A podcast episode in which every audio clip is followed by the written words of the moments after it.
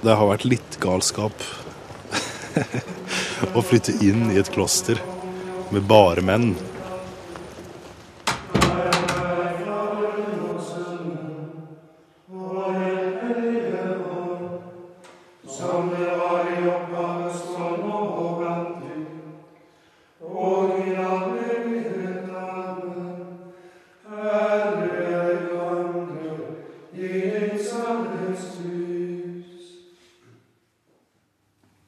Det er ingen tvil om at pappa har spilt en stor rolle i forhold til mitt valg.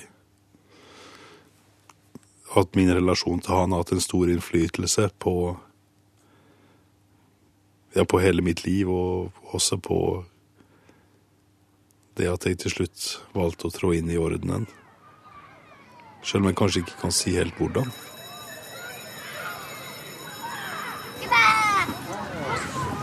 Har du noe? Ja. Oi. Jeg heter Håvard, eh, og jeg er dominikanermunk. Eh, Og jeg har hørt at dere eh, har lært om munker og munkevesen og middelalder og sånn. Stemmer det? Hva har dere lært, da? Husker dere noe? Ja. At vi bor i kloster, ja. Egentlig så er det jo veldig uventa, også for meg sjøl, at jeg sitter her i dominikanerdrakt. Ja, på mange måter er det helt uvirkelig i forhold, til, i forhold til hvor jeg sto før jeg trådte inn i ordenen. For jeg var snekker. Jeg var på vei til å bli landskapsarkitekt, jeg ble de fikk jo papirene på det. Eh, hvorfor ville du ikke bli gift? Jeg ville egentlig bli gift, men um, jeg måtte liksom på en måte velge hadde mest, hva jeg hadde mest lyst til. Hva jeg, hva jeg kjente var mest viktig for meg. Eh, så det hadde vært fint å være gift, og det syns jeg fortsatt det hadde vært.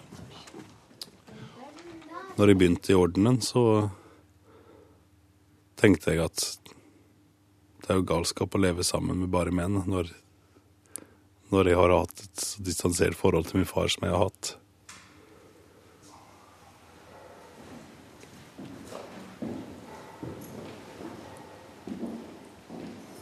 Ja. Og der er pater Arne.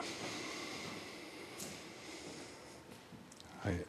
Du skjønner, jeg har en studiering som venter på meg på Katarina. Ja vel, så du går rett direkte? Ja. Så du kan bli vesper.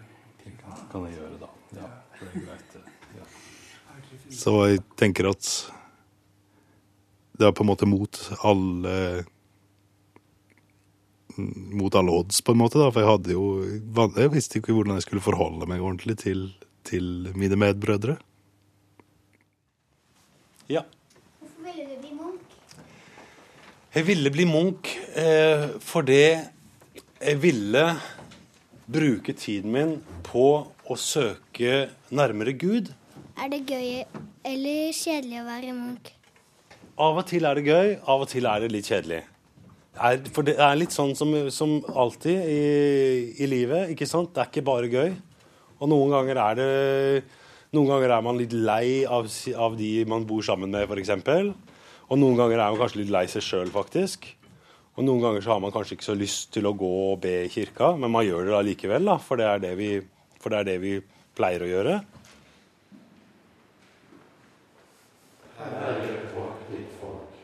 Fader vår, du som er i himmelen.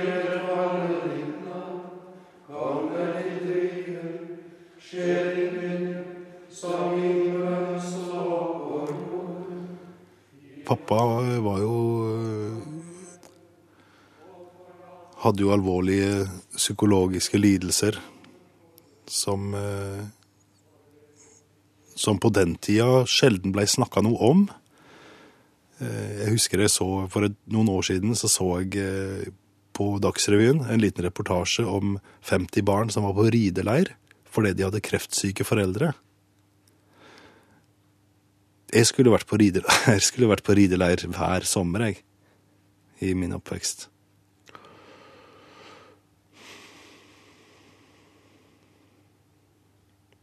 Men istedenfor så, så har, var det på den tida, når jeg vokste opp, så var det, et, var det mye mer et tabu. Jeg har jo aldri snakka med helsevesenet. Jeg,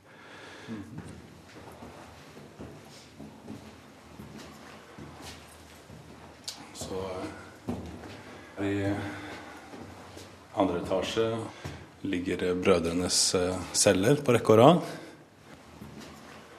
Ordet celle kommer fra, fra klosterne og ble overført til fengslene etterpå.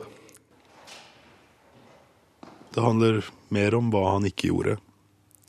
Jeg har vel aldri hatt Aldri hatt de helt fortrolige samtalene med pappa. Jeg har aldri hatt eh, Aldri opplevd å bli tatt opp på fanget, liksom. Bli holdt rundt.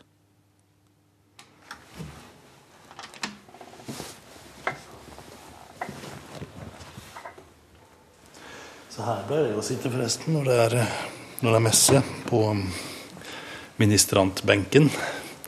Det er ministrant, det er han som hjelper presten med å dekke alteret og bære røkelse og lys og bøker og lese bønner og Jeg kan huske hver gang jeg opplevde en nærhet. Eh, Det er mange små episoder, eller noen små episoder, eller kanskje større òg, som jeg kan huske som øyeblikk av nærhet. Og jeg tror at jeg husker det så godt nettopp fordi det var så få av de. For det første så henter man boken, som ligger, som ligger på et brett ved siden av eh, ved siden av alteret. Så legger man den ut på, oppå alteret. Og så har man et eh, en duk. Og da skal man helst legge den litt sånn midt på.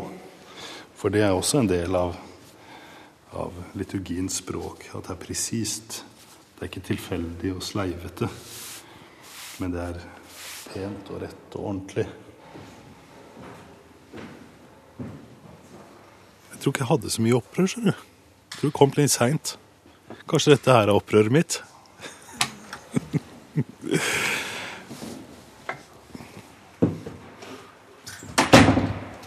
Jeg husker en gang så så jeg en far som eh, jeg, var en, jeg var i en familie en gang og så en scene mellom far og sønn, der sønnen trossa grensene og ville gå inn med støvlene på på kjøkkenet. Og faren sa det får du ikke lov til. Og dermed så var det satt en grense som sønnen da selvfølgelig måtte trosse. Og da snudde faren seg brått og tok han i armen og dro han ut på gangen. Um, og han begynte selvfølgelig å gråte.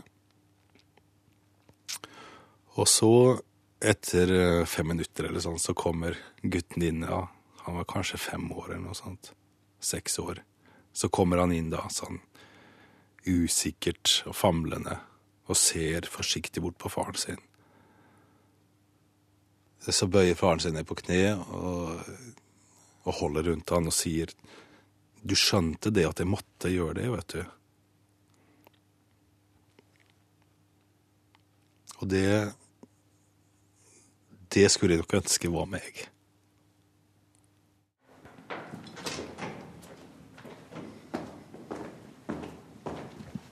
Et kloster består jo av grenser. Innenfor og utenfor.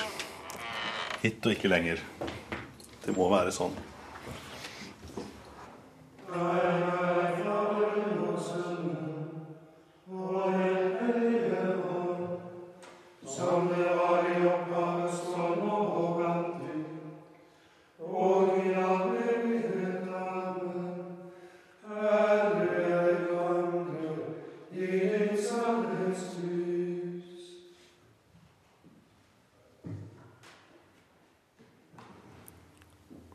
Det er jo rart når man omtaler Gud som far.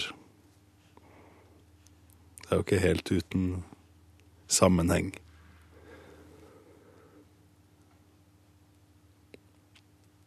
Kanskje er også det en av de tingene jeg har søkt gjennom ordenslivet. Det å finne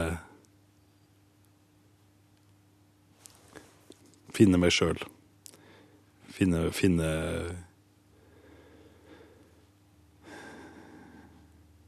få kontakt med fars relasjon.